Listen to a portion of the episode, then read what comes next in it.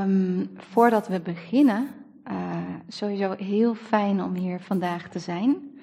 Uh, deze lezing stond zo'n drie jaar op de planning, maar door alles wat er in de wereld gebeurde, werd dat steeds iets verschoven. Uh, ik moet eerlijk zijn, ik denk dat ik er ook nu pas klaar voor was om hier te staan. Een aantal illusies armer en daarmee iets meer ruimte om als we het dan hebben over Gods woord, door me heen te laten stromen. Dat is iedere keer weer spannend. Ik weet dat als ik een lezing geef, dat dat vaak gebeurt. Um, maar ja, hoe en wat, dat is voor mij net zo een verrassing als voor jullie. Voilà. Zijn er um, mensen die nog niet bezig zijn met het gedachtegoed van een cursus in wonderen? Daar zie ik iemand, daar zie ik iemand. Oké, oké. Dat, is wel, dat is wel goed om te weten, want um, het zou best kunnen met de dingen die ik ga zeggen, um, dat dat niet direct helemaal duidelijk is. Maar laat het maar gebeuren. Als er vragen zijn, kan je dat sowieso op het einde stellen. Um, maar ik hoop dat jullie uh, mee mogen voelen wat dat uh, voor mij en waarschijnlijk voor velen hier uh, betekent. En, en als hulp biedt ook in het leven, als zijnde een, een gids. Um, ik heb een, een, een les eigenlijk hier opengelegd in het boek, omdat ik daar een stukje van wil voor met elkaar even te landen hier op deze plek in dit samenkomen. Um, en vanuit daar ga ik ook meer toelichten over de, de drie stappen die ik doorkreeg. Terwijl ik eigenlijk bezig was met de cursus. In, um, in 2013 kwam de cursus op mijn pad. Op een moment dat ik diep zat. Uh, ik begreep even niks meer van de liefde en relaties. Ik dacht dat dat mij het geluk zou brengen.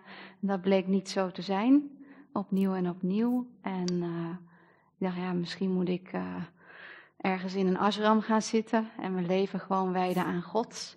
En dat hele verhaal van liefde en relaties maar gewoon laten gaan. En uh, ja, op een zeker moment, ik schreef al, ik schreef denk ik al zo'n twee jaar met een onbekende stem voor mij, maar die me wel veel antwoorden gaf. waardoor ik mij terug beter ging voelen. Um, maar op een zeker moment zat ik aan tafel. Ik weet dat nog heel goed. En dat ik even de wanhoop nabij was. En ik zei, lieve gids, lieve God, ik, ik, ik heb nu van alles geprobeerd. En ik doe nu ook al een studie van twee jaar. over het geluk te vinden. Maar ik zie nog steeds dat het me niet lukt. En dat ieder model dat ik krijg aangeleerd en iedere therapiewijze mij nog niet daar brengt waar ik wil zijn. Dus um, toen maakte ik een afspraak. Ik zeg, ik ben bereid om mij 90 dagen open te stellen. Breng mij maar al die levensomstandigheden naar me toe, die mij gaan helpen om de antwoorden te vinden. Wat is nu precies een leven in liefde en geluk? En wat is de werkelijke sleutel daar naartoe? En in ruil zal ik mijn verhaal opschrijven in gesprek met u. En dat heb ik gedaan. Dat is mijn eerste boek geworden. En uh, na 90 dagen was die inderdaad geschreven en zelfs al geëdit, gecorrigeerd op taalfouten. Um, maar in die 90 dagen heeft mijn wereld wel op zijn kop gestaan. Um, er kwamen allerlei situaties naar me toe die mij uitdaagden. Die oncomfortabele emoties in mij omhoog brachten. Situaties die niet overeenkwamen met hoe ik geleerd had dat het moest. Vanuit mijn opvoeding, vanuit de wereld. En uh, ik ben die gaan transformeren met hulp van mijn gids, God, Heilige Geest. Voor mij is het niet zo heel belangrijk welke naam we eraan plakken. Kijk voor jezelf hoe dat voor jou is en wat daarin uh, past en het beste voelt. En, ehm, en toen op een gegeven moment, ik denk zo na 30 dagen, dat ik bezig was met, die, met dat schrijven eigenlijk. Ehm, met mijn gids, met de Heilige Geest, God. Ehm, kreeg ik het heel simpel toegespeeld. En ik kreeg gezegd, lieve Judith, wij weten dat jij ervan houdt om het heel simpel te houden. Dus wij gaan jou vanaf nu drie stappen geven. En die kan jij herhalen bij iedere oncomfortabele emotie die jij vanaf nu af aan tegenkomt in jezelf. Wetende dat iedere oncomfortabele emotie, is het verdriet, is het, is het frustratie, is het boosheid, is het stress, dat het allemaal in de kern samen te brengen is tot één angstgedachte. Iets wat jij over jezelf bent gaan geloven, dat niet klopt. Nou, toen ben ik echt aan het werk gegaan. Um, de, de drie stappen, um, die zijn een middel om tot te komen. En uh, ik heb zo af en toe gedacht, dat woord verlossing klinkt een beetje zwaar, maar eigenlijk is het ook zwaar als we vastzitten gevangen in onze emoties. Dat is gewoon de realiteit. En ik las vanochtend in uh, het boek Verlossing is eigenlijk gelijk aan vergeving. Het gaat erom dat we zien wat niet waar was, dat we dat dachten en dat we daar ons geloof in hadden gelegd. Um, met die drie stappen kom je tot iets wat voor mij heel nauw samenhangt met de les die ik nu ga lezen. In stilte ontvang ik vandaag Gods woord. Laat deze dag er een zijn van stilheid en van rustig luisteren. Je vader wil dat je zijn woord hoort vandaag. Hij roept jou toe vanuit de diepte van je denkgeest, waar hij vertoeft. Hoor hem vandaag. Geen vrede is er mogelijk zolang zijn woord niet overal ter wereld wordt gehoord. Zolang jouw denkgeest niet in stil luisteren de boodschap aanvaardt die de wereld moet horen. Om de stille tijd van vrede in te luiden.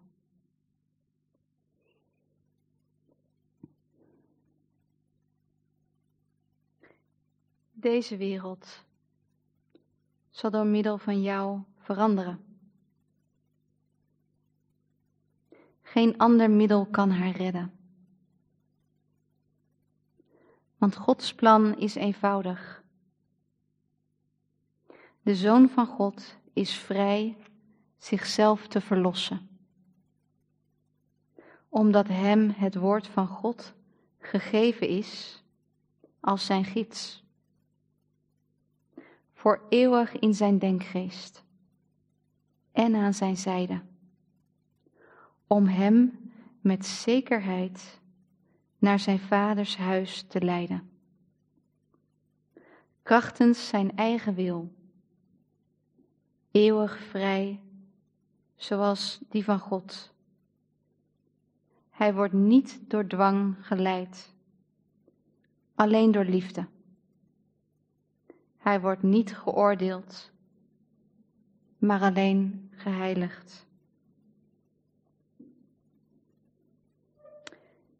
In stilheid zullen we vandaag Gods stem horen, zonder inmenging van onze kleine gedachten, zonder onze persoonlijke verlangens en zonder enige beoordeling van Zijn heilig woord. We zullen onszelf niet oordelen vandaag. Want wat wij zijn, kan niet worden geoordeeld. We houden ons afzijdig van elk oordeel. dat de wereld over de Zoon van God heeft geveld. Ze kent Hem niet. Vandaag zullen wij niet naar de wereld luisteren, maar in stilte wachten op Gods woord. Dit zijn in totaal de eerste drie paragrafen van de les. Um,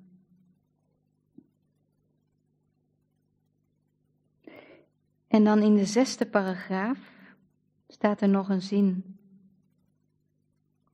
Vandaag spreekt hij tot jou.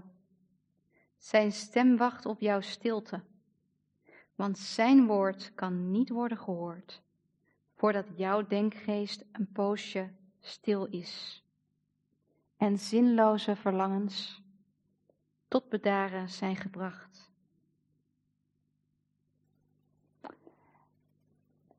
En dit is um, een stille denkgeest kan Gods woord horen. En dit is als we bezig zijn met verlossing of vergeving. Dan maken we eigenlijk die switch om Hem te kunnen ontvangen, om Zijn woord te kunnen ontvangen. Daarvoor is het vaak veel te druk. Ik heb momenten, ik heb één keer een moment gehad, toen woonde ik in Amsterdam.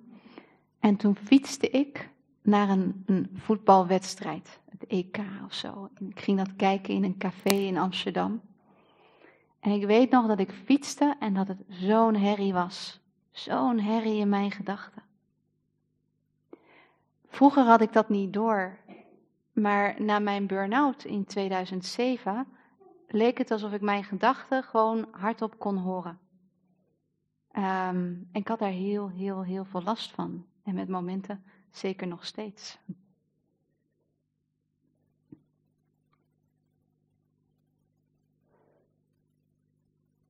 En daarmee zie ik soms hoe die strijd van binnen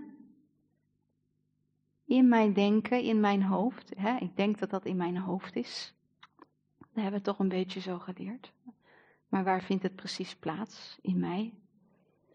Um, dat te midden van die strijd zijn we gewoon totaal niet in staat om de steun te ontvangen, om de begeleiding te ontvangen die er voor ons aanwezig is. Het is te druk. En die stem van God, of de Heilige Geest, hoe je het wil noemen, die is zachtjes, die is liefdevol, die is subtiel.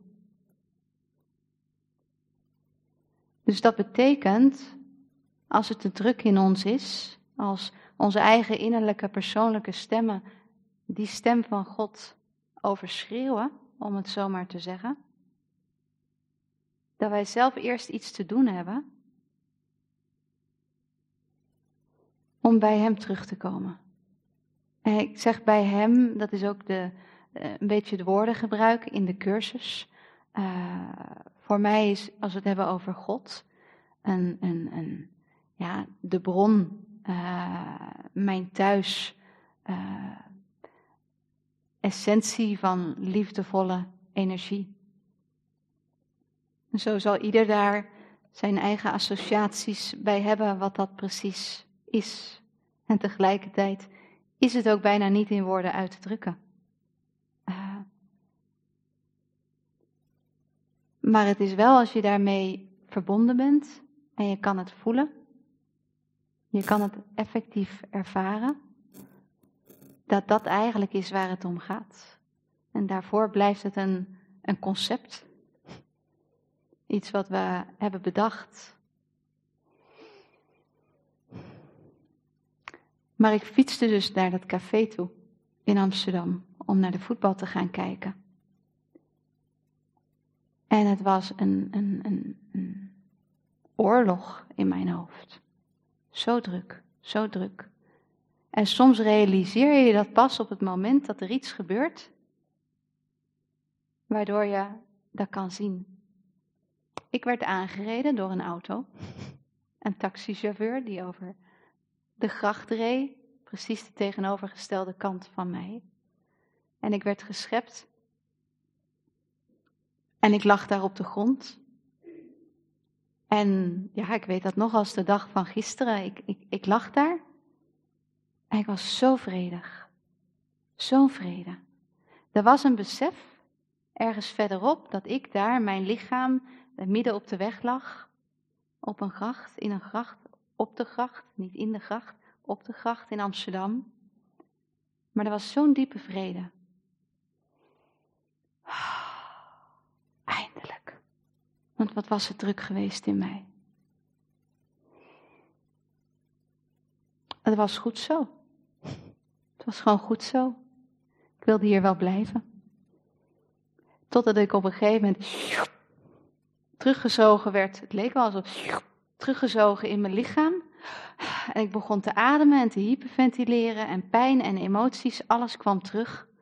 En uh, ik, ik, bewoog weer, er zaten mensen om me heen om me op te vangen. Ja, wat was daar nu gebeurd? Het enige wat ik weet is dat het heel druk in mij was, in mijn hoofd, in mijn gedachten. En dat er een ongeluk gebeurde. En dat ik daarna een hele diepe, stille vrede kon ervaren. En zo heb ik meerdere van die momenten mogen meemaken. Die mij eigenlijk getoond hebben wat er mogelijk is.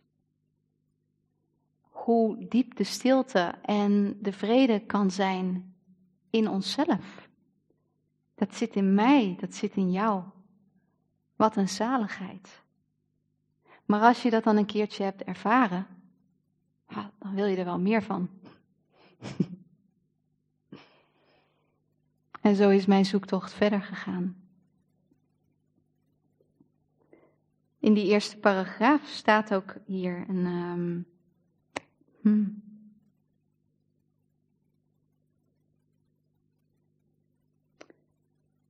Er gaat iets over, over in stil luisteren. En ik weet niet of jullie het herkennen, maar al die angstgedachten, om het zo maar te noemen, wordt ook wel aanvalgedachten in de cursus genoemd.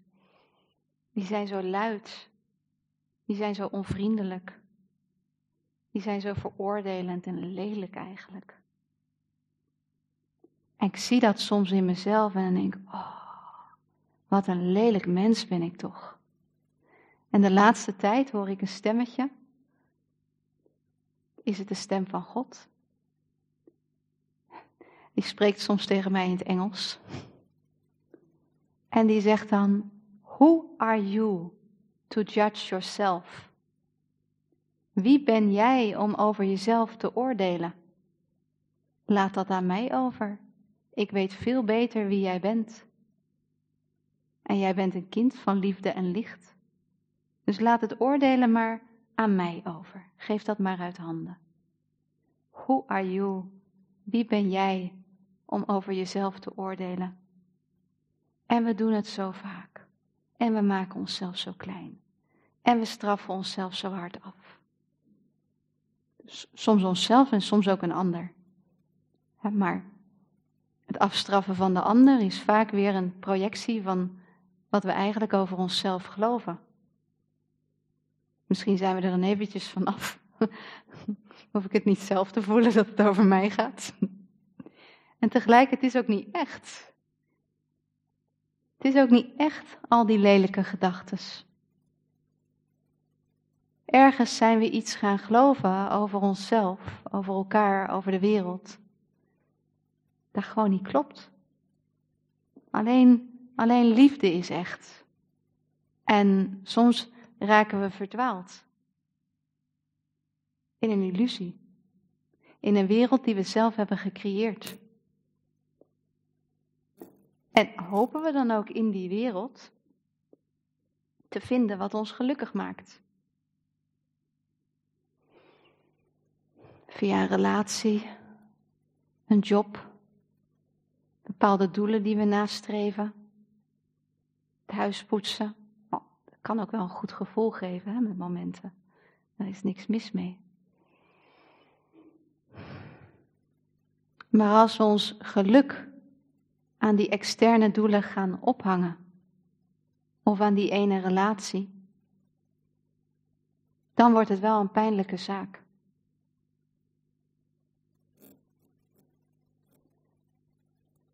Omdat feitelijk alles dat in die illusie plaatsvindt, vergankelijk is.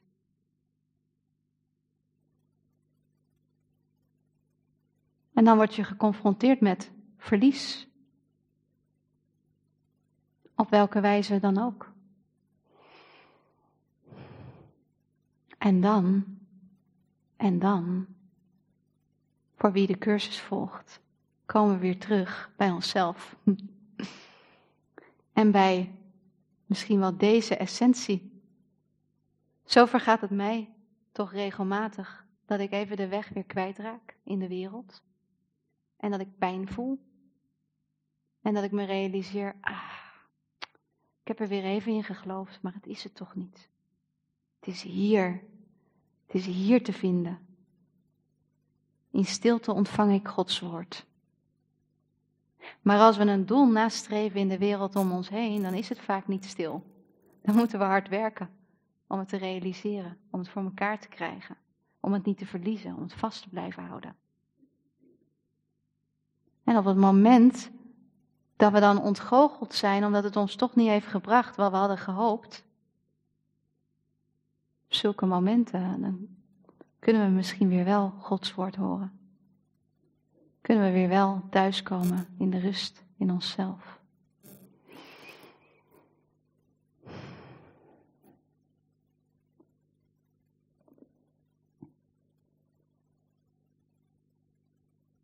Verlossing is mijn enige functie hier.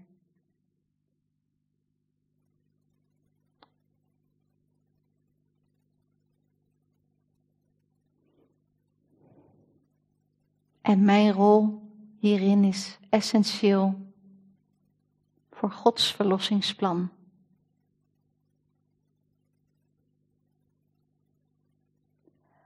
En God wil voor mij volmaakt geluk.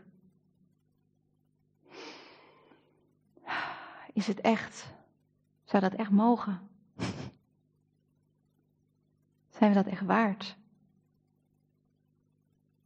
Ik hoorde laatst een, um, een gesprek van een dame in Nederland die Diederik Wolzak interviewde, ook over de cursus. En uh, die benoemde nog even van ja, God heeft mijn waarde al bepaald. Het is niet ik of jullie of de ander die mijn waarde bepaalt. God heeft mijn waarde al bepaald. Ik ga nog een volgende paragraaf lezen van les 125.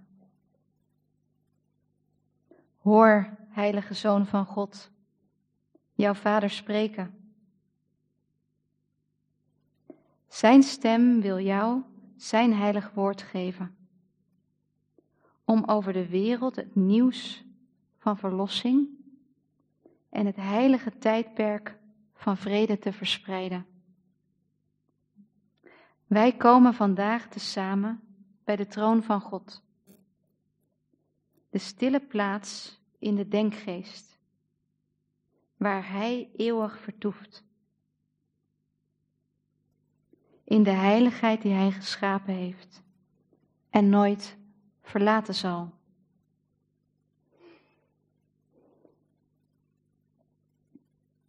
Wij komen vandaag tezamen bij de troon van God stille plaats in de denkgeest. Waar Hij eeuwig vertoeft.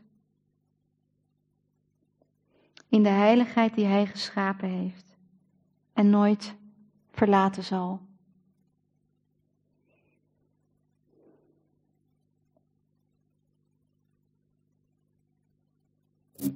Hij heeft niet gewacht met jou zijn woord te geven tot jij jouw denkgeest aan hem teruggaf. Hij heeft zich niet voor jou verborgen, terwijl jij een tijdje van hem afdwaalde.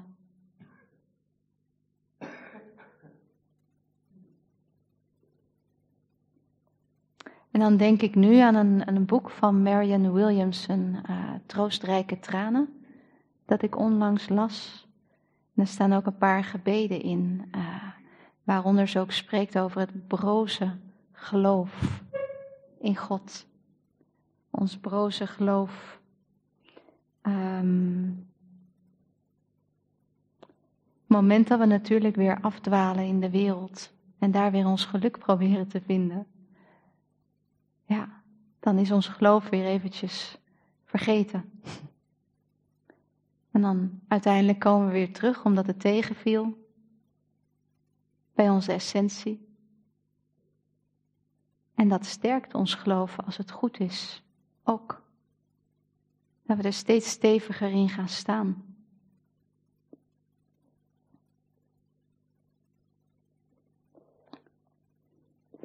Nu, ik ga wat delen over de drie stappen. Want om bij de stilte van Gods woord te komen, hebben we soms die switch te maken als het een herrie in ons is. Momenten dat we door de wereld wandelen en we voelen ons gewoon prima, dat is goed. Maar op het moment dat we mm, gedreven worden door eigenlijk oncomfortabele emoties, dan zijn we vergeten wie we zijn. En zoals ik het doorkreeg, iedere, iedere zonder uitzonderingen, iedere oncomfortabele emotie is een kans om je terug te herinneren wie jij bent. En stel je voor hoe vaak we op één dag niet geconfronteerd worden met een oncomfortabele emotie. En dan maakt het niet uit of die klein is of groot. Uiteindelijk komt het neer op eenzelfde onjuiste gedachte die jij hebt gehad over wie je bent. Stel je voor hoeveel kansen wij krijgen op één dag. Bij iedere oncomfortabele emotie. Om die te transformeren van angst naar liefde en te herinneren wie je bent. Aan mij. Wij krijgen volop kansen. En die stoppen niet eens. Opnieuw en opnieuw en opnieuw krijgen wij de kans om te herinneren wie we zijn. En onze emoties, die helpen daarbij. En die worden natuurlijk getriggerd door iets wat er in de wereld gebeurt, dat niet gaat overeenkomstig zoals we dat graag zouden willen.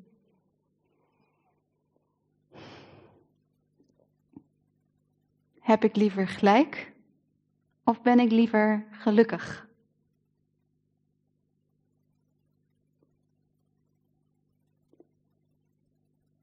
Ja, gelijk hebben gaat dan over. Ik ga nu zorgen dat ik, maar ook de mensen om me heen gaan geloven wat ik vind dat klopt of wat ik geleerd heb. Dan ga je de wereld om je heen uh, proberen te controleren of te manipuleren. Om jouw eigen overtuiging bevestigd te zien worden. Soms lijkt het wel alsof onze wereld vergaat als onze overtuiging niet wordt bevestigd.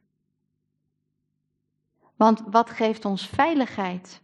Of wat lijkt ons veiligheid te geven binnen de illusie van onze denkgeest? Dat zijn mijn overtuigingen. Als ik, als ik het gemeentehuis binnenloop, ik werk voor een gemeente ook, en ik zou denken, mijn vader zei dat vroeger wel eens, dat alle ambtenaren lui zijn. En ik loop het gemeentehuis binnen, dan zie ik daar waarschijnlijk allemaal mensen die niet aan het werk zijn die met elkaar aan het praten zijn. En dan zal ik denken, ah ja, het klopt wat mij ooit gezegd is. Alle mensen die bij de gemeente werken lui zijn.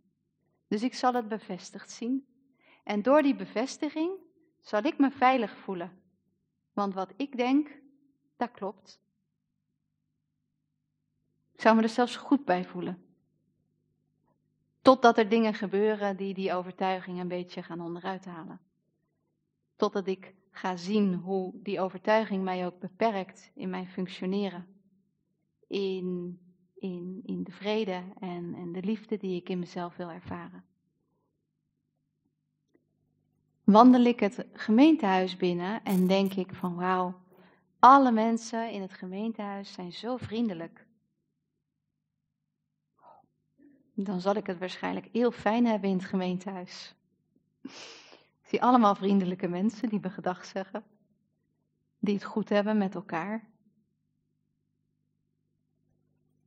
Ja, dat is toch bijzonder eigenlijk. Hoe onze eigen overtuigingen onze wereld creëren. Toen ik in India woonde, um, stond ik aan een soort standje. Dat zijn overal van die, van die kraampjes waar je water kan kopen. Dat heet daar pani. Dus ik, ik wilde een water bestellen, flesje water. Maar er kwamen steeds mannen naast mij staan en die werden eerder geholpen dan ik. Misschien een dingetje van de cultuur, maar ik stond daar en ik voelde mij totaal niet gezien. Ik werd boos van binnen. Ik voelde verongelijking, van ja, dit, dit mag niet zo zijn. En terwijl ik daar stond, want ik had toen die drie stappen al gehad, dacht ik, ik ga nu die drie stappen toepassen, precies hier in dit moment, waarin mijn oncomfortabele emotie zich aandient. Oké, de eerste stap. Wees je bewust van je angstgedachten. Wat is het dat ik nu denk dat mij zo doet voelen? Ik word niet gezien, maar ik word niet gezien gaat nog steeds over de ander. Maar daar begint het wel mee. Ik word niet gezien, ik word niet gerespecteerd. En ik word daar boos om.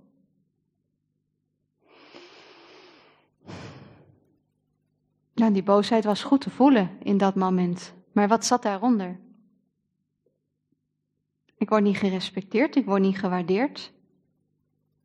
Het gaat nog steeds over die ander. Wat denk ik over mijzelf op zo'n moment? Op zo'n moment lijkt het bevestigd te worden wat ik eigenlijk op een dieper niveau over mezelf denk. Ik ben het niet waard om gezien te worden. Ik ben het niet waard om gerespecteerd te worden.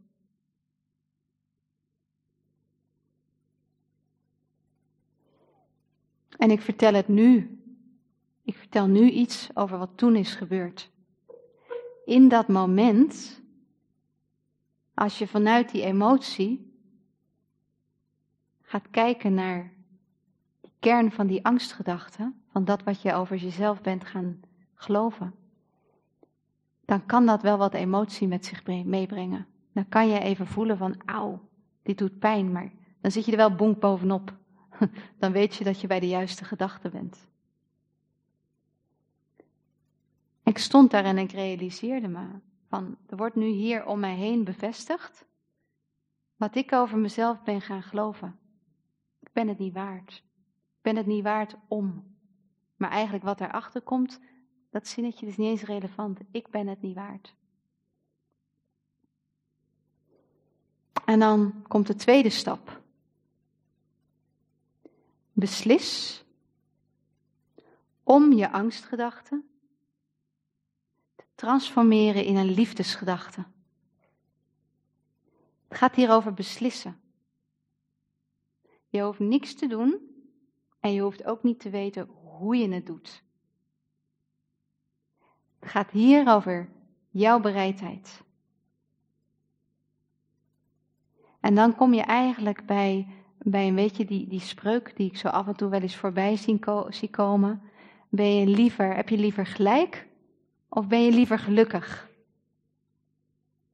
Wil jij die angstgedachte, die overtuiging, ik ben het niet waard, wil jij die vasthouden? Om te zeggen, dit is wie ik ben. Dit geeft mij veiligheid om te weten wie ik ben, ondanks dat het me ook heel veel pijn en lijden bezorgt. Wil je erin blijven geloven? Of ben je bereid te kiezen? Ben je nu bereid te kiezen? om anders te denken. En je hoeft niet zelf te gaan uitvogelen hoe dat anders denken eruit ziet. Dat is allemaal niet nodig. Ik, ik, en ik deel nu hier, hè, precies zoals het bij mij is aangereikt. Zoals het mij is verteld, die drie stappen. Dus eigenlijk geef ik het gewoon door hoe het naar mij is toegekomen. Het gaat alleen maar om jouw bereidheid. Wil je je goed voelen? Ah ja. Ben je ook bereid die gedachte, ik leg hem hier in mijn linkerhand, ik ben het niet waard om gelukkig te zijn, misschien wel om me, om me goed te voelen. Ben je bereid om die gedachte, en ik plaats hem nu ook in mijn hand alsof je er naar kijkt, alsof je hem even uit jezelf haalt, want het lijkt soms zo te zijn wie je bent, maar het is een gedachte, die kan je bij wijze van spreken uit je halen en in je hand leggen. Ik ben het niet waard. Ben je bereid om die gedachte te transformeren in een liefdesgedachte? Je hoeft niet te weten welke liefdesgedachte. God weet wie jij bent. Dus het is fijn om te weten hoe God naar jou kijkt. Dat kan helpen. Maar je hoeft dat niet zelf vanuit je eigen geest te gaan bedenken. Ben je bereid jouw angstgedachte te transformeren in een liefdesgedachte? Oh ja, oh ja, God, ik ben daartoe wel bereid, maar ik weet niet hoe ik dat moet doen en dit, dit, dit. Je hoeft niet te weten. Je hoeft het niet te weten. Het is heel goed dat je het niet weet. En weet je waarom? Omdat je het niet zelf hoeft te doen. Dat is het mooie hieraan. Je hoeft het niet zelf te doen. Je bent niet alleen. Maar ben je bereid? Ben je bereid om je goed te voelen? Ben je bereid om die beperkende gedachten die jij over jezelf bent gaan geloven, uit handen te geven? En ik zie dan altijd een uh, altaar van God, waar die dan een soort van achter staat. Het is gewoon mijn inbeelding, dat helpt mij een beetje. En waarin die dan vraagt om die gedachten op het altaar neer te leggen. Op het moment dat ik die gedachte op het altaar neerleg, heb ik hem niet meer vast. Als ik een gedachte vasthoud, ja, je ziet het letterlijk en figuurlijk, dan is mijn vuist gebald. Dan ben ik niet in staat om te ontvangen. Als ik pijn heb, ik ben me daar steeds meer van bewust, dan wil ik zo wel eens mijn lichaam afsluiten. Of, zo'n gekende houding, hè, dat we ons zo helemaal samenbollen in die pijn. Maar wat doe je? Wat, wat doe je dan? Eigenlijk hou je het vast. Wat als je pijn hebt en je gaat gewoon open? Je gaat gewoon open op bed liggen en je laat het stromen. Dan gaat het weg. Dan kan je ademen. Dan stel je je open voor hulp. Dan kan je ontvangen. Maar met gebalde vuisten van dit is wat ik geloof en dit is de waarheid. En dat ga ik nu eens even bevestigen. Kunnen wij niet ontvangen. En dan heb, heb ik het over liefde ontvangen. In welke vorm dan ook. Omdat dat onze essentie is. Onze essentie ontvangen. Slis om je angstgedachten te transformeren in een liefdesgedachte. Ben je daartoe bereid? Het kan gebeuren dat je voor jezelf voelt, ik ben daartoe niet bereid. Dat is ook helemaal oké. Maar dan weet je dat. Ik ben daartoe niet bereid, want ik geloof nog te veel. Ik wil nog te veel deze overtuiging vasthouden als mijn werkelijkheid. Dat is oké. Ik heb ook in, in, in het schrijfproces, ik weet nog een moment ook in India, ander moment, dat heeft mij een paar weken geduurd. Maar gelukkig waren dat maar een paar weken en niet een paar jaren of een paar levens.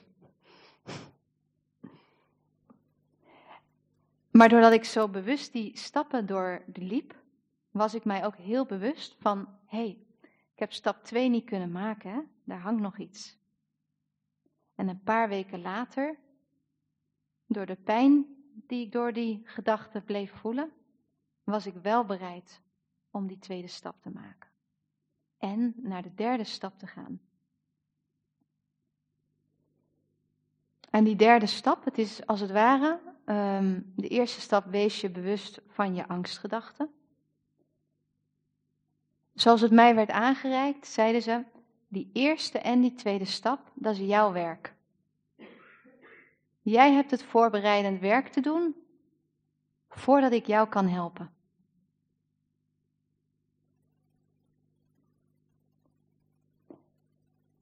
Wat heb je gedacht waar je mee hebt vereenzelvigd? Wat heb je over jezelf gedacht dat niet klopt? Daar mag jij zelf naar kijken, dat doe je alleen. Natuurlijk, je kan altijd onze steun vragen, wij zijn er wel. Maar dat heb je voor jezelf te doen. Stap 2 is jouw beslissing. Beslis om je angstgedachten te transformeren naar een liefdesgedachte. Jouw beslissing, jouw keuze om bereid te zijn. Om bereid te zijn die angstgedachten uit handen te geven.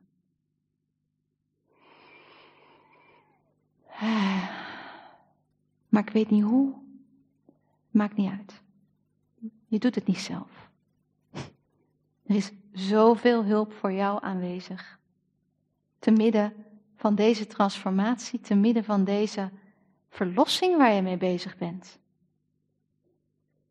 Zoveel hulp. Maar die eerste twee stappen, die neem jij zelf. En waarom? Omdat die jou helpen te komen tot de bereidheid om mij te ontvangen. Om mijn hulp te ontvangen. De derde stap, ik ga het zo even uitbeelden, is vraag hulp. Dus vraag hulp. De derde stap verbindt jou met meer dan jou alleen. Daarin word je geholpen, daarin word je gedragen. Dus ik zie het eigenlijk als het ware zo. Ik ga eens even kijken of ik kan staan terwijl die hier ligt. Ja. Wees je bewust van je angstgedachten. Leg hem maar eens in je linkerhand. Beslis om jouw angstgedachten te transformeren in een liefdesgedachte. Leg hem als het ware maar in jouw rechterhand. Je hoeft niet eens te weten wat daar ligt.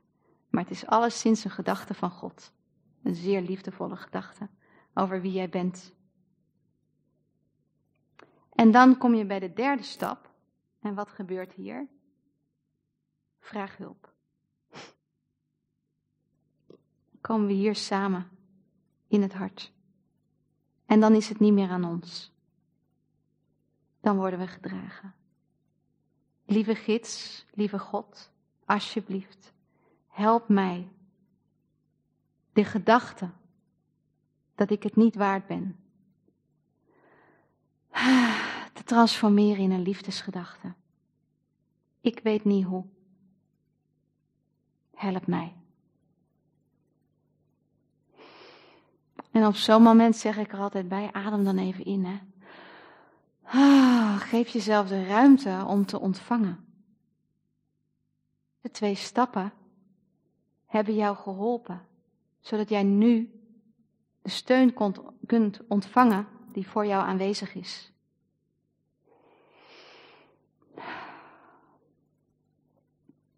In mijn schrijfproces, want ik deed die stappen altijd schrijvend, toch zeker in het begin, dat hield mij erbij. Dat hielp mij te zien wat er precies gebeurde in mijn eigen transformatieproces. En na die derde stap, vraag hulp. En ieder, ieder zal die hulp op zijn eigen manier ervaren. Het zal komen op de manier die het beste bij jou past. Bij mij is dat heel vaak in het geschreven woord. Kan het ook bedenken. Soms ook dat ik het me bedenk. Wat zou God nu mij als ondersteuning aanbieden. Maar in die stilte kan je het ontvangen. En daarom dat ik ook met deze les wilde beginnen. 125. In stilte ontvang ik Gods woord. Omdat die drie stappen waar ik het nu over heb, die zijn enkel een middel om te komen bij onszelf, wie wij werkelijk zijn. Hmm. Ja. Dus terwijl ik daar dat water aan het bestellen was, in dat, bij dat, dat kraampje in India, deed ik ook die drie stappen. En ik heb hier eerder lezingen over gegeven en ik vergat altijd te vertellen wat er daarna gebeurde. En dan vroegen mensen achter, maar wat gebeurde er dan daarna? Ik dacht, ah, daar heb ik helemaal niet meer bij stilgestaan, want het was, de hele situatie was weg, opgelost eigenlijk. En ja, op zo'n moment, je doet die drie stappen, je komt terug bij je innerlijke vrede, je staat daar. Ben ik nu direct geholpen? Het zou kunnen. Is er nog iemand voor mij geholpen? Waaraan water werd gegeven? Eigenlijk maakt het niet meer uit. Soms zie je met zo'n toepassing dat je echt het wonder ervaart van wauw, dat er in ene in de wereld om je heen iets gebeurt, dat daar echt het bewijs van is. Maar het echte bewijs voor mij is de innerlijke vrede, de innerlijke vrede die je in jezelf ervaart. Dat je weer verbonden bent met, met de liefde. Dat je weer met vriendelijke ogen de wereld in kan kijken. Het wonder van de cursus.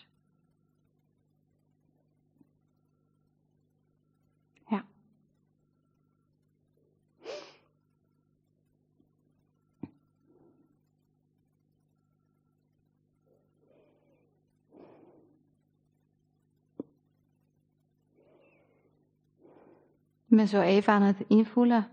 Uh, ik zie dat het drie uur is geweest. Um, welke volgende piste we vanuit hier gaan nemen. Uh, maar ik zou voorstellen dat ieder gewoon eens comfortabel terug gaat zitten op zijn stoel. En voor zichzelf iets kiest in zijn leven. Waarvan die zegt: hmm, daar komen toch wel regelmatig wat oncomfortabele emoties bij omhoog. Gewoon een situatie in jouw leven, in jouw wereld. Ik zou zeggen, kies iets dicht bij huis. We kunnen niet direct heel de wereld veranderen, maar door met de kleine dingetjes in ons eigen leven te beginnen, of de grotere dingen, maar dicht bij ons, kunnen we wel de wereld veranderen. En zeker, zeker veranderen we de wereld die we zelf waarnemen. Ja. Neem maar even een moment om je te verbinden met de situatie in jouw leven, in jouw belevingswereld.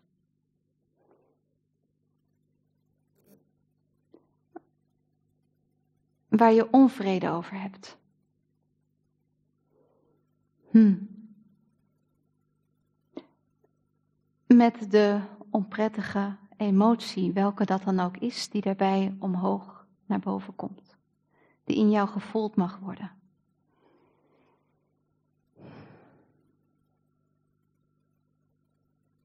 En ga voor, voor, voor jezelf eens kijken van, was nu de kern van de angstgedachten die ik hier over mezelf ben gaan geloven. Soms kan je daar heel makkelijk bij komen en soms is dat wat moeilijker. Maar uiteindelijk gaat het altijd over jou. Niet over de ander, niet over wat de ander doet of gedaan heeft.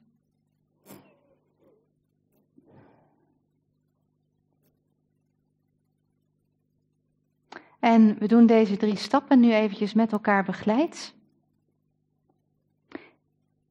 Als je ergens strandt tijdens die drie stappen, het is allemaal oké. Voel gewoon maar even voor jezelf wat de bedoeling is. En als je mee kan, dan is dat natuurlijk fantastisch om ook echt te gaan ervaren van wat kan dit betekenen voor mij.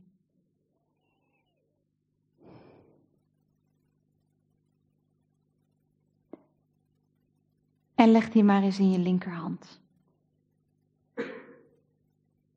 Kan je hand uitsteken, je kan het ook inbeelden. Maakt niet uit. Wat ben jij over jezelf gaan geloven? In die situatie dat niet klopte.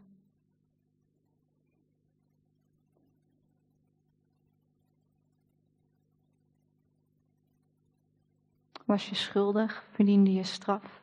Was je niet goed genoeg? Werd er bevestigd dat je het niet waard was? Je geen bestaansrecht hebt? Kijk maar voor jou wat hier omhoog komt. En leg dat maar, die gedachte, in jouw linkerhand.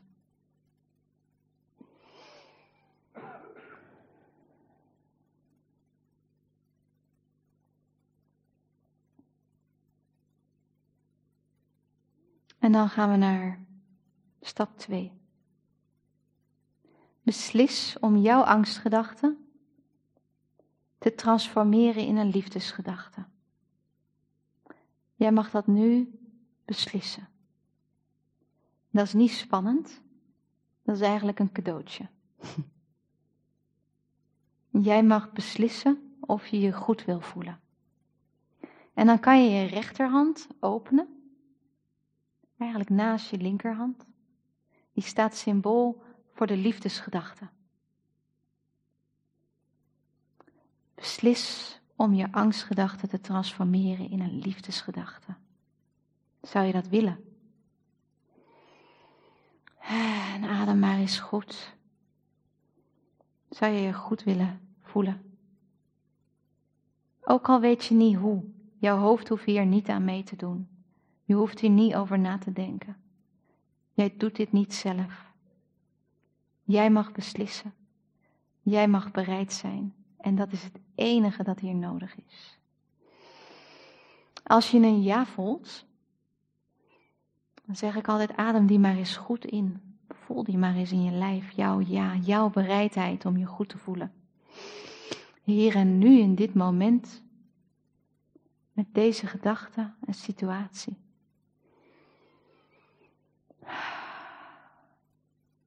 Ja, lieve gids, ja, lieve God. Heilige Geest, of hoe je het wil noemen.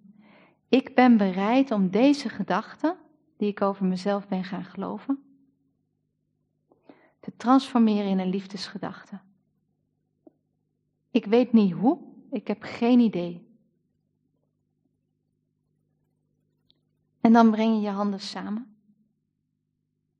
Alsjeblieft, help mij.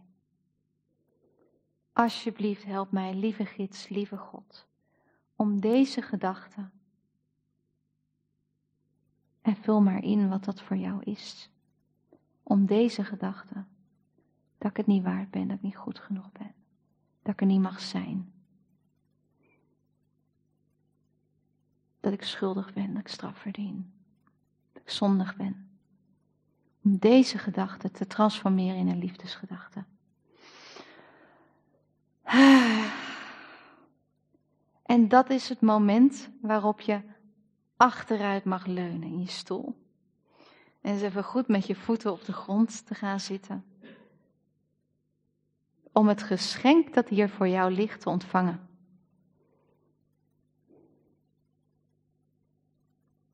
Jouw verlossing, jouw essentie, de liefde die jij bent duizendmaal, maal ondersteunt.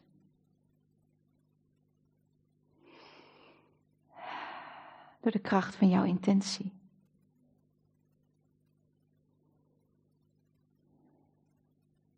En dat is het moment waarop ik dan altijd hoor. Judith, je mag nu wel voorzichtig een glimlach naar voren brengen. Judith, je mag nu wel eventjes blij zijn en dankbaar voor wat jij gedaan hebt. Je hoeft niet altijd direct door. Geniet er maar even van. Het is je zo gegund. Geniet er maar even van. En ook als je voelt dat het nog niet helemaal gelukt is om die eerste twee stappen te nemen. En om onze hulp te ontvangen. Weet, weet altijd dat je hier met de juiste intenties bezig bent en dat je ondersteund wordt. En voor mij helpt mijn adem dan hè, om niet alleen te denken, maar ook te gaan voelen. Hè, dat, het, dat het bij wijze van spreken in iedere cel van mijn lichaam kan vibreren. Ja, ik word ondersteund. Ja, ik ben liefde. Ja, die gedachten die me slecht doen voelen, die kloppen echt niet. Dat weet ik inmiddels wel. Ik moest laatst denken aan het woord uh, discipel. Je hoort dat wel eens, hè? een discipel. Van iemand die een bepaald pad volgt of een bepaalde lering. Zekere zin denk ik dat wij hier zitten als discipel van een cursus in wonderen. En dan dacht ik, ja, maar dat woord betekent, het ziet er bijna hetzelfde uit als discipline. Iedere keer als ik mij terug heel slecht voel, doordat er iets in mijn leven gebeurt, dan zie ik weer hoe belangrijk het is om dit te blijven oefenen. We nemen wel eens een afslag en dan gebeurt er iets en we komen terug. Totdat we zo vaak die beweging heen en weer hebben gemaakt, dat we zeggen, en nu, nu kies ik er voor 100% voor. Oh, zelfs als je dat doet, lukt het niet altijd, hè? Dat is ook oké, hè? en dan maak je die keuze opnieuw, net zoals in de drie stappen ook steeds opnieuw gevraagd wordt om te kiezen. Beslis om je angstgedachten te transformeren in een liefdesgedachte. Steeds opnieuw wordt ons weer die keuze gevraagd te maken. En ik hoorde laatst iemand zeggen over, uh, over zijn partnerrelatie: van iedere dag opnieuw kies ik voor mijn partner. Dat ik dacht, ah, wauw. Ja, eigenlijk wordt ons iedere keer weer opnieuw gevraagd te kiezen. Maar als je dan kiest, kan je er ook volledig voor gaan staan. Dan zijn die angstgedachten die daarvoor liggen, die twijfel, onzekerheid, frustratie, stress, dat is er dan niet meer. Want jij hebt opnieuw je keuze gemaakt. En als je opnieuw kiest, in dit kader dan, hè, dan vraag je hulp, dan vraag je ondersteuning. Want je doet dat niet alleen. Maar de keuze maken wel. Die is voor jou, die is voor mij. Hmm.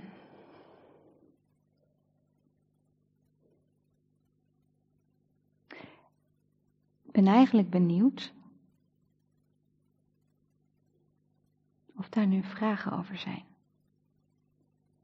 Heb je bepaalde dingen ervaren in deze toepassing dat je zegt van hoe, hoe zit dat nu precies? Of ik merkte dit in mezelf op.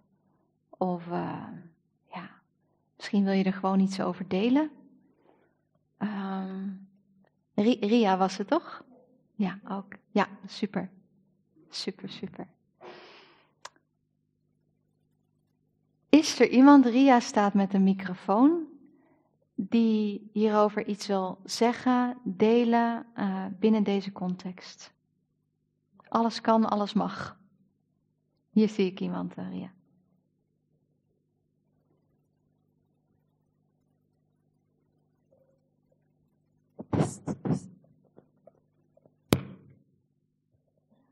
Ja? Wel, ik had van de week een ja. Ik had van de week een uh, beetje een, nare ervaring met iemand uh, die mij door iets te zeggen eigenlijk uh, heel veel pijn heeft gedaan, een beetje onderuit gehaald ook op die moment. Maar um, wat mij daar juist was erover aan het nadenken en wat mij toen binnenkwam was van, niks van. Ik ben goed, ik ben krachtig, ik ben zoals God mij geschapen heeft. Dat wou ik eventjes gewoon delen. Ja, Ik ben, en dat telt voor ja, Ja. ons allemaal, denk ik. ja. Zoals- En was het in dat moment dat je de emotie hebt kunnen eh, bevrijden, om het zo maar te zeggen? Nu bedoel je? Eh, Toen niet, nee. toen niet, Nee, oké. nee, nee, nee, nee. Nu pas. Oké, het is nu, nu net gebeurd. Ja, dus Oh, dat is heel mooi. Dat is heel mooi. het nare gebeurde drie dagen geleden, maar nu heb ik het eh, met woorden die ik al eigenlijk al aan kende.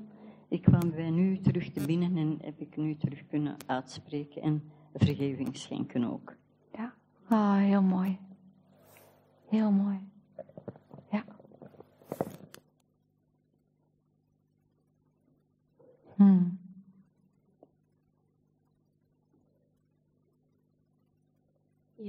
Ehm, oké. Ja, waar ik het soms nog moeilijk mee heb, is ehm, ja, dat het toch altijd weer iets is, ehm, toch altijd weer van, ah ja, ik, eh, zo'n beetje die gedachtegang van, ik ben heel en ik mag rusten in God, want ik weet niet, toen ik, zeg maar, een beetje met spiritualiteit bezig te zijn, dan dacht ik dat het op iets helemaal anders ging lijken. En ik weet niet, soms kan ik daarin zitten, maar soms, ja, weet ik dat, maar zit dat niet in mij of zo. Omdat ik dan nog altijd het gevoel heb dat, dat, ja, dat het toch nooit goed genoeg is, het antwoord dat wordt gegeven. Snap je? Dan denk ik van, hoe kan ik daar altijd ehm, voldoening uit halen? Als, ik weet niet of dat je me begrijpt. Eh, Wat zei je als laatste? Hoe kan ik daar wat uit halen? ja, voldoening. Want allee, een paar jaar geleden, toen had ik zeg maar, begonnen aan mijn reis, dacht ik altijd dat, ehm, dat ik iets, toch iets moet doen om de waarheid te vinden. Eh, maar nu zit, kan ik soms ook in een helemaal andere gedachtegoed zitten, waar jij ook vaak zegt van, we mogen rusten en we kunnen er als mens niet aan en net ontvangen. Ehm, en hier gewoon bijleren bij dingen die dat we- er ons tegenzitten. Maar ja, ik heb toch vaak soms nog die, die dwang in mijn gedachten soms van, ehm, ja, ik moet nu gaan nadenken of zo. Of, Hmm. ehm, ja. Wat is dat dat, als... moeilijk om dat te aanvaarden van, ah ja, het, is, antwoord is liefde of zo. Soms is dat moeilijk. Soms kan ik daar ook echt wel mee over praten, maar soms vind ik dat nogal moeilijk. Mhm, mhm. Be- begrijp ik het goed? Want ik zit even met het geluid. Wat jij aangeeft is, soms vind ik het moeilijk om te accepteren dat ik gedachten heb die eh, liefdeloos zijn. Is dat wat jij zei? Nee, soms vind ik het moeilijk om te accepteren dat, dat liefde net het antwoord is op al de dingen Ah, ja, ja, ja, ik het moeilijk vind. Ja, ja, maar wie vindt dat moeilijk om te accepteren? Ehm, dan hebben we het natuurlijk over, ja, ik heb dat woordje eigenlijk vandaag nog niet genoemd, ego. En, ehm, en een deel van onze, Ja. dat eigenlijk bestaat uit al die gedachten die niet kloppen. die wil blijven bestaan. Die wil niet doorzien worden. Die wil eh, zich veiligstellen. En het is dan soms een beetje zien van wie, wie spreekt hier. Hè? Als jij zegt ik, ik heb daar moeite mee, dan vraag ik me af, is dat wel jouw ik? Of spreek je hier eventjes op dit moment de stem van het ego, die bang is om bijvoorbeeld afstand te nemen van die minder liefdevolle gedachten? Ja.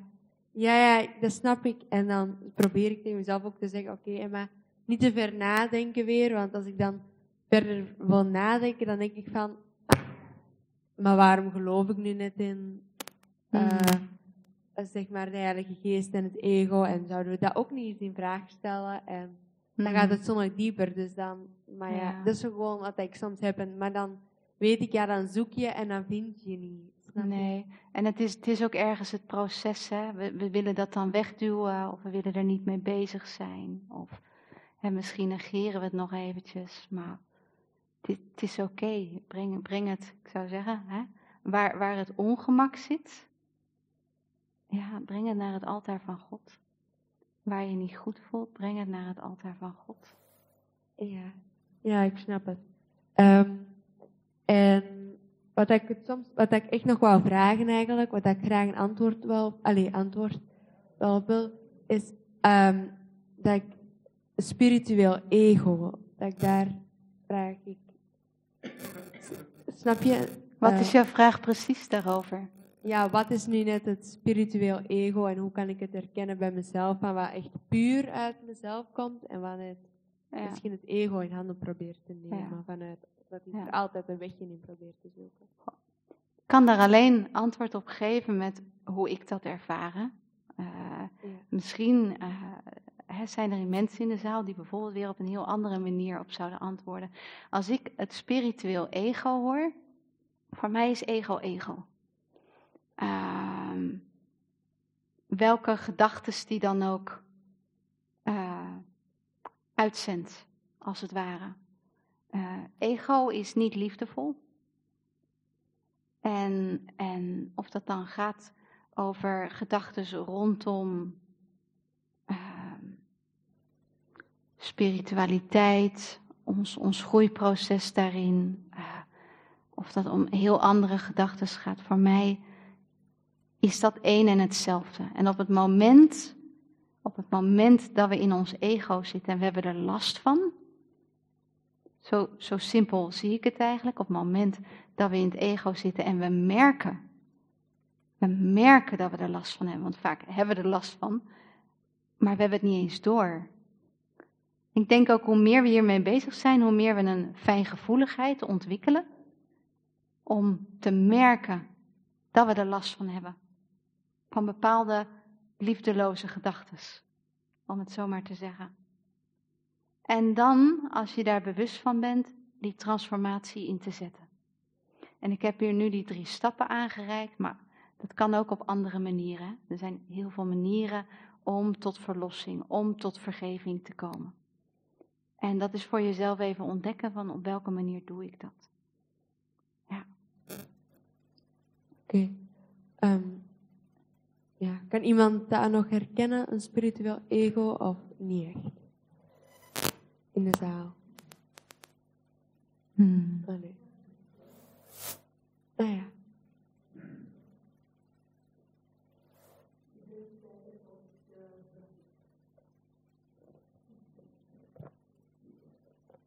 Ja, eh, ik ben mij ook gaan verdiepen in het spirituele, omdat ik eh, de weg kwijt was. Veel meegemaakt, de weg kwijt en uiteindelijk geen zicht meer. Het was donker. En dan verdiept je in, in de spiritualiteit en dan, dan voelt dat wel echt wel, bij mij vooral, dat dit deugt. Ik zag terug het licht. Ik denk dat ik weet wat dat kwam doen. En ik moest niet zo meer afhankelijk zijn van Jan en Alleman. Maar ik kon eigenlijk heel moeilijk onderscheid maken tussen het licht en het hier en nu. Daar had ik heel veel moeite mee, want als ik in het licht sta, dan mogen ze mij doodmaken, bij wijze van spreken, en het zou nog oké zijn. En dan kan ik eigenlijk ook goed snappen wat er gebeurt in de wereld, of in mijn gezin, of gewoon met mijn eigen.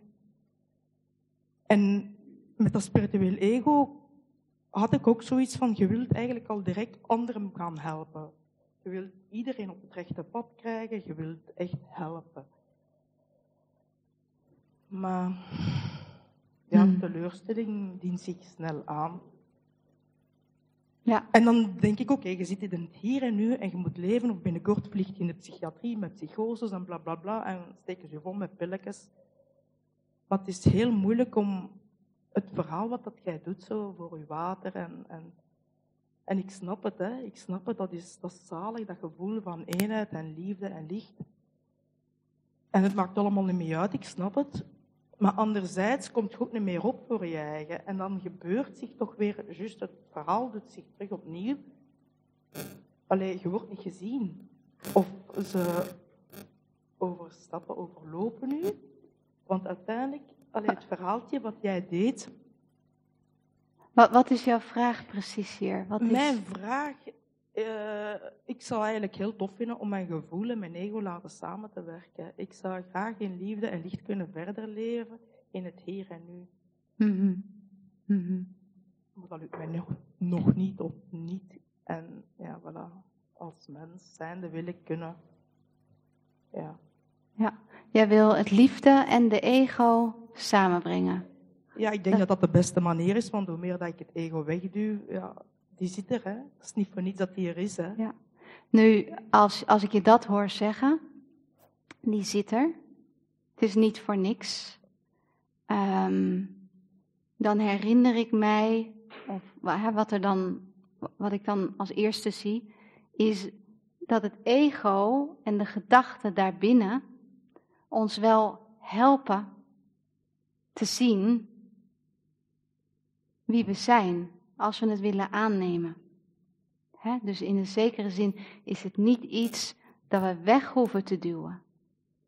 Ik ga gewoon weer teruggeven naar, naar mijn simpele taal van de onprettige emoties. Die binnen dat ego komt dat naar boven. En dat zijn richtingaanwijzers. Die helpen ons te kijken naar, oké, maar wat is er wel mogelijk? Hierdoor heb ik pijn. Auw, dat wil ik niet meer. Hoe wil ik dan wel denken? Hoe wil ik dan wel in het leven staan? Dus in zekere zin helpt het ego, zo zou je het kunnen noemen, binnen die illusie, zoals, we, zoals dat in de cursus wordt omschreven, helpt jou wel naar huis te vinden. Uiteindelijk, ja,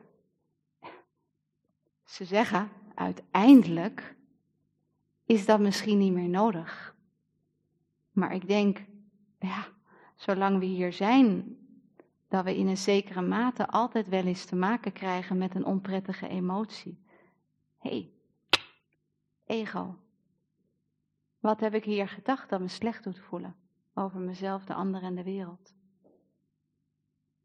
Dus het is een, een, een zeer dankbare richtingaanwijzer. Op het moment dat wij iets denken dat, we, dat ons een onprettig gevoel geven, ik denk ook in relaties. Ik las laatst nog over de speciale relatie, hoe er in relaties de haat vaak wordt weggeduwd. Want die bestaat hier niet. Die doet niet mee hier. Jij en ik, wij zijn een en al liefde, maar dat bestaat niet. Maar inderdaad, als je het wegduwt, dat wil gezien worden, hè? dat komt wel terug op een of andere manier in de relatie of buiten de relatie. En dan, en dat vond ik zo mooi ook toen ik in India woonde, dan, als je die erbij neemt, hè, die, die, die haat en die minder liefdevolle gedachte, je legt dat op het dienblad. Je legt het bij wijze van spreken op het dienblad. En je zegt, oké, hier ligt het. Kan er nu niet omheen. Ik zie het nu. Maar alleen, wat, wat wil ik hier nu mee? Wil ik hierin blijven geloven? Dat maakt mij niet tot een schoon mens. Ik vind het soms bijna kunst hè, om hiermee bezig te zijn.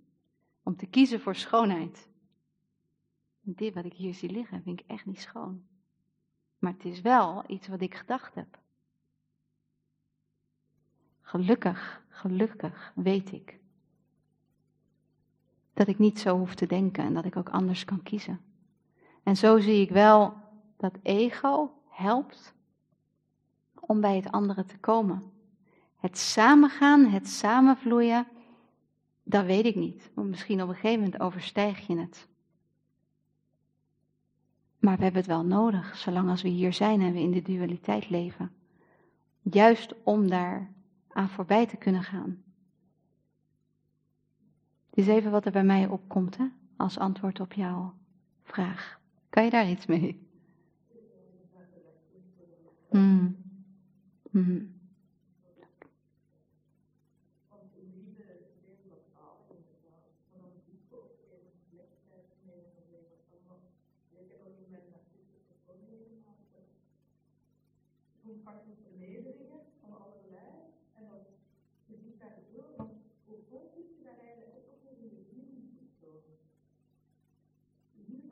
verandering. Ja. Dat, dat, is heel, dat is heel moeilijk voor mij. Ik kan heel moeilijk. Ik zou zo graag die twee samen laten werken. Ook eigenlijk, uh, ja. Kijk, uh, wat ik nu hoor is een wens. Ik zou zo graag willen dat die twee zouden kunnen samenwerken. In, in zekere zin um, zou ik zeggen, leg, leg die wens eens op het altaar van God. Leg die daar gewoon eens neer en verbind je nu eens met waar je hier bent, nu, in dit moment. En dan zien we soms dat al die wensen en al die verlangens ons juist weghalen, houden bij het ervaren van onze essentie in dit moment, hier en nu. En dat is soms wat kort door de bocht, hè, omdat we ook wel echt verhalen hebben in ons leven die, uh, die ons uitdagen. En tegelijkertijd uh, herinner ik me nu zelf ook een moment waarop ik ergens stond. En iemand zei van, ik, ik wilde iets. Ik wilde, wilde een ontmoeting met een, een teacher. En die zei, leg dat verlangen nu eens aan de zijkant. Dat verlangen om mij te ontmoeten, leg het nu eens aan de zijkant. En kom eens terug bij jezelf. Dan zijn wij al één. Dat is even een uitstapje van jouw vraag.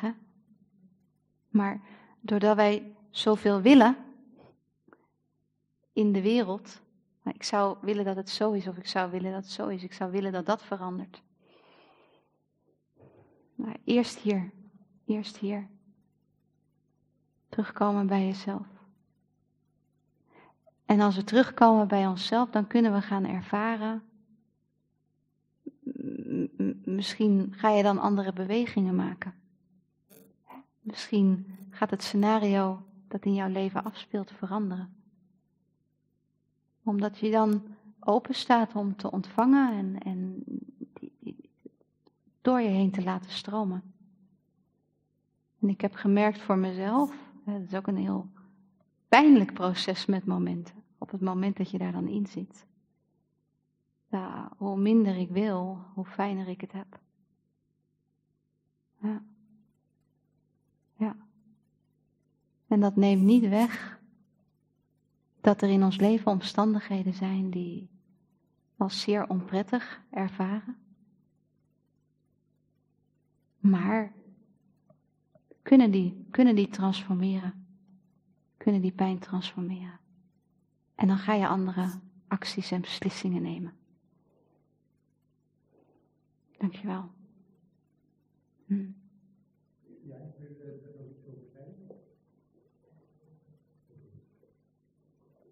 In het negende hoofdstuk van de cursus is er sprake van de kwaadaardigheid van het ego. Ook Ken Webnik in zijn boekje heeft het daar heel ruim over. Dus hoofdstuk 9, uh, pagina 100, uh, 180. Uh, de vierde alinea spreekt Jezus over de kwaadaardigheid van het ego. En dat is dat het ego zich in een moeilijke situatie bevindt en er niet meer aan uit kan. Dus ik had van de week zo'n ervaring. Ik was bezig aan het werk en ik begon ineens te duizelen zonder enige aanleiding. En dat heeft zo ja, een tijd geduurd. Ik ben zelfs op handen en voeten moeten terug binnenlopen, om, om maar iets te zeggen. Maar nadien was, dat helemaal, was ik terug helemaal normaal. En voor mij was dat een aanval van het ego. Ja. En dan heb ik uh, ook, uh, ik heb daar veel zien over, dus de les 150. Ik word gedragen door derde alinea. Alleen de liefde van God zal mij in alle omstandigheden beschermen.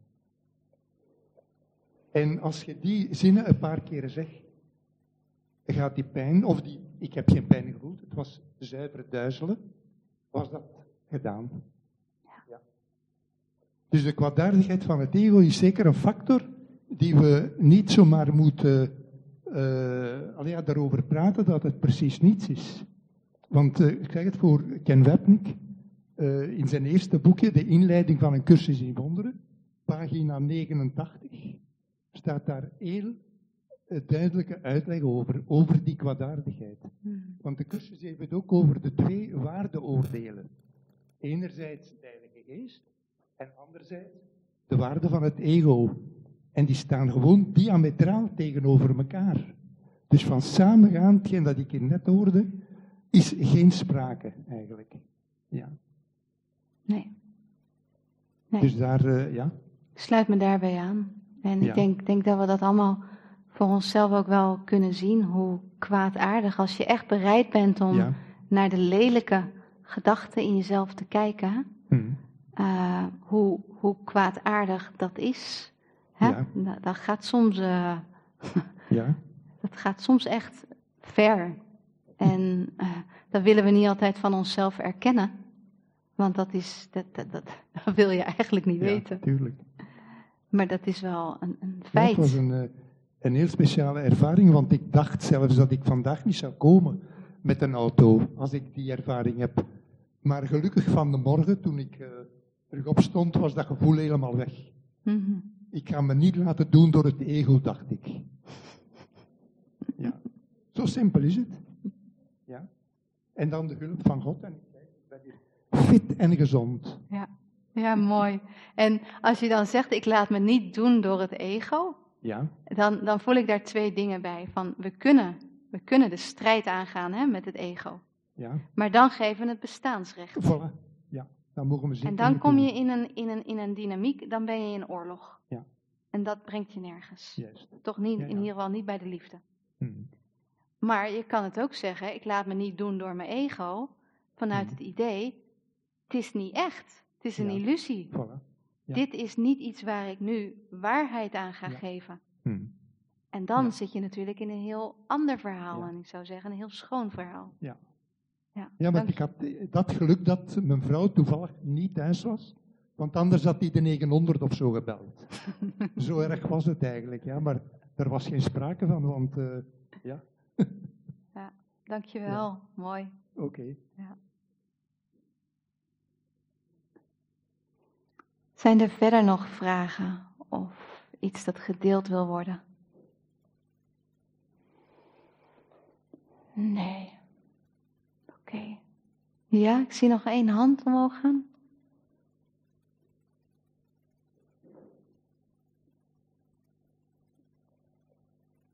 Toen ik die oefening samen met u deed, hè, dus Mhm. die drie stappen, dan voelde ik eigenlijk ehm, veel vertrouwen. En Ja, ja, het is goed. ik als eh, antwoord ook geven op mevrouw. Ehm, doordat ik ook met de cursus bezig ben, ehm, voel ik dat ik veel eh, angst eh, laat varen. En doordat ik dat doe, durf ik ook meer naar die eh, duistere gedachten kijken en mezelf daarvoor vergeven. En ik voel dan ook veel meer vertrouwen. Vertrouwen in Christus en vertrouwen in God.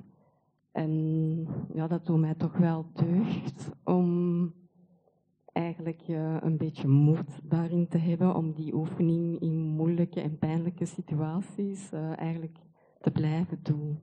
Ja. Dus dank je ook voor de heel korte versie, want ik heb niet altijd veel in mijn hoofd te doen. Ehm, en dan is het wel leuk dat er maar drie stappen zijn, dus ik neem ze echt eh, vanuit mijn hart mee, dank u. Ja, dankjewel, dankjewel.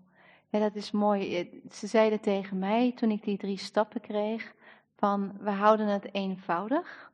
Want als jij gevangen zit in jouw emoties, eh, als jij midden in dat veld zit waar je heel graag uit wil ontsnappen, eh, dan moeten we het ook niet te ingewikkeld gaan maken. Dan, en ja, ieder gaat daar op zijn eigen manier door. En daarmee zeiden ze, we geven je een heel simpele structuur, die je zelfs midden in dat veld van oorlog kan toepassen. En dan raak je eruit. Dat was voor mij op dat moment een, eh, een heel dankbaar cadeau. Want soms had ik het gevoel dat ik gewoon aan het spartelen was en ik wist niet hoe ik eruit moest komen. En eh, Dankjewel. Ja. Een eh, laatste vraag. Is er nog een laatste vraag? Zo niet. Daar zie ik nog Ja. iemand. Eh, mijn vraag is, ehm, ja, maar je, want dat begin had ik een heel klein beetje gemist, maar je zei, ehm, ik zocht hulp. Je zocht dan vaak hulp buitenaf bij psychologen of Nee. zo. Nee, eigenlijk eh eh, ben wel na mijn burn-out ben ik een periode naar een psycholoog geweest, maar achteraf gezien heeft me dat niet veel gebracht. Ik, weet je, ik ben eerst naar het kampvuur gestapt. ik ben eerst aan het kampvuur gaan zitten, dat ik mij denkbeeldig voorstelde. En ik ging naar dat kampvuur omdat daar op zo'n steen een hele wijze, super slimme Indiaan zat, die alle wijsheid en compassie had die je maar kon bedenken. En ik legde daar mijn vragen neer. En ik stelde me voor wat hij mij zou antwoorden. En ik schreef dat op. Ik deed dat in mijn dagboek. En ehm, dat was nog voordat ik de cursus leerde kennen. Ik begreep toen nog niet precies wat er gebeurde. Maar de antwoorden, die hielpen mij altijd naar vrede, naar innerlijke vrede. En ik heb lang getwijfeld van, ja, wat is dit nu? Is het een schizofreen spelletje dat ik met mezelf aan het spelen ben? De ene stem antwoordt de andere stem. En het komt allemaal vanuit mij, dus ik ben dit allemaal aan het bedenken. Maar ik ben stap voor stap steeds meer eh, de waarde gaan ervaren en ook gaan begrijpen, dankzij de cursus, wat het nu precies was. En dat wij allemaal zo'n stem in ons hebben, de Heilige Geest, God, hoe je het wil noemen. Anna noemt het een gids, maar een stem die ons naar huis kan leiden. Ja, dus mijn steun is ehm, ook wel extern geweest, maar vooral eh, door die stem toe te laten van binnenuit. Ja, daar is mijn, eh, daar ligt mijn ziel en zaligheid, om het zo maar te zeggen. Want wat doe je als je bijvoorbeeld ja, zelf met een probleem zit en de omgeving wilt natuurlijk kom bij jou voor hebben, allee, ja, snap je, en wilt naar verschillende andere hulpmiddelen gaan, middelen gaan zoeken, maar zelf ja, wil je toch een beetje zelf ook innerlijk werk gaan doen en dan zit je zo met die twee, want je moet wel altijd bij die zijn, omdat dat zo is ingepland volgens de anderen. Ja, ja, ja, misschien is het gewoon een mededeling, dat is voor mij gewoon. soms. ja, ja, ja. ja. In, in dit proces waren het voor mij gewoon de drie stappen die ik kreeg aangereikt. Hè? Eh, iedere keer dat je je niet goed voelt. Aan tafel, ik ging dan aan tafel zitten om het schrijven te doen, om me eruit te bevrijden. En eh, ja, dat is voor ieder voor zichzelf voelen, ervaren wat jouw weg is. Eh, maar er is altijd een weg. En kijk voor jezelf wat de route is waarin jij je comfortabel voelt, toch binnen de mogelijkheden, want je gaat altijd voorbij een ego dat het liefst niet doorzien wil worden, maar waarbij je het meest comfortabel voelt om je open te stellen voor hulp. Het gaat uiteindelijk om het hulp vragen en je ervoor openstellen om het te ontvangen. Hm. Ja, dankjewel.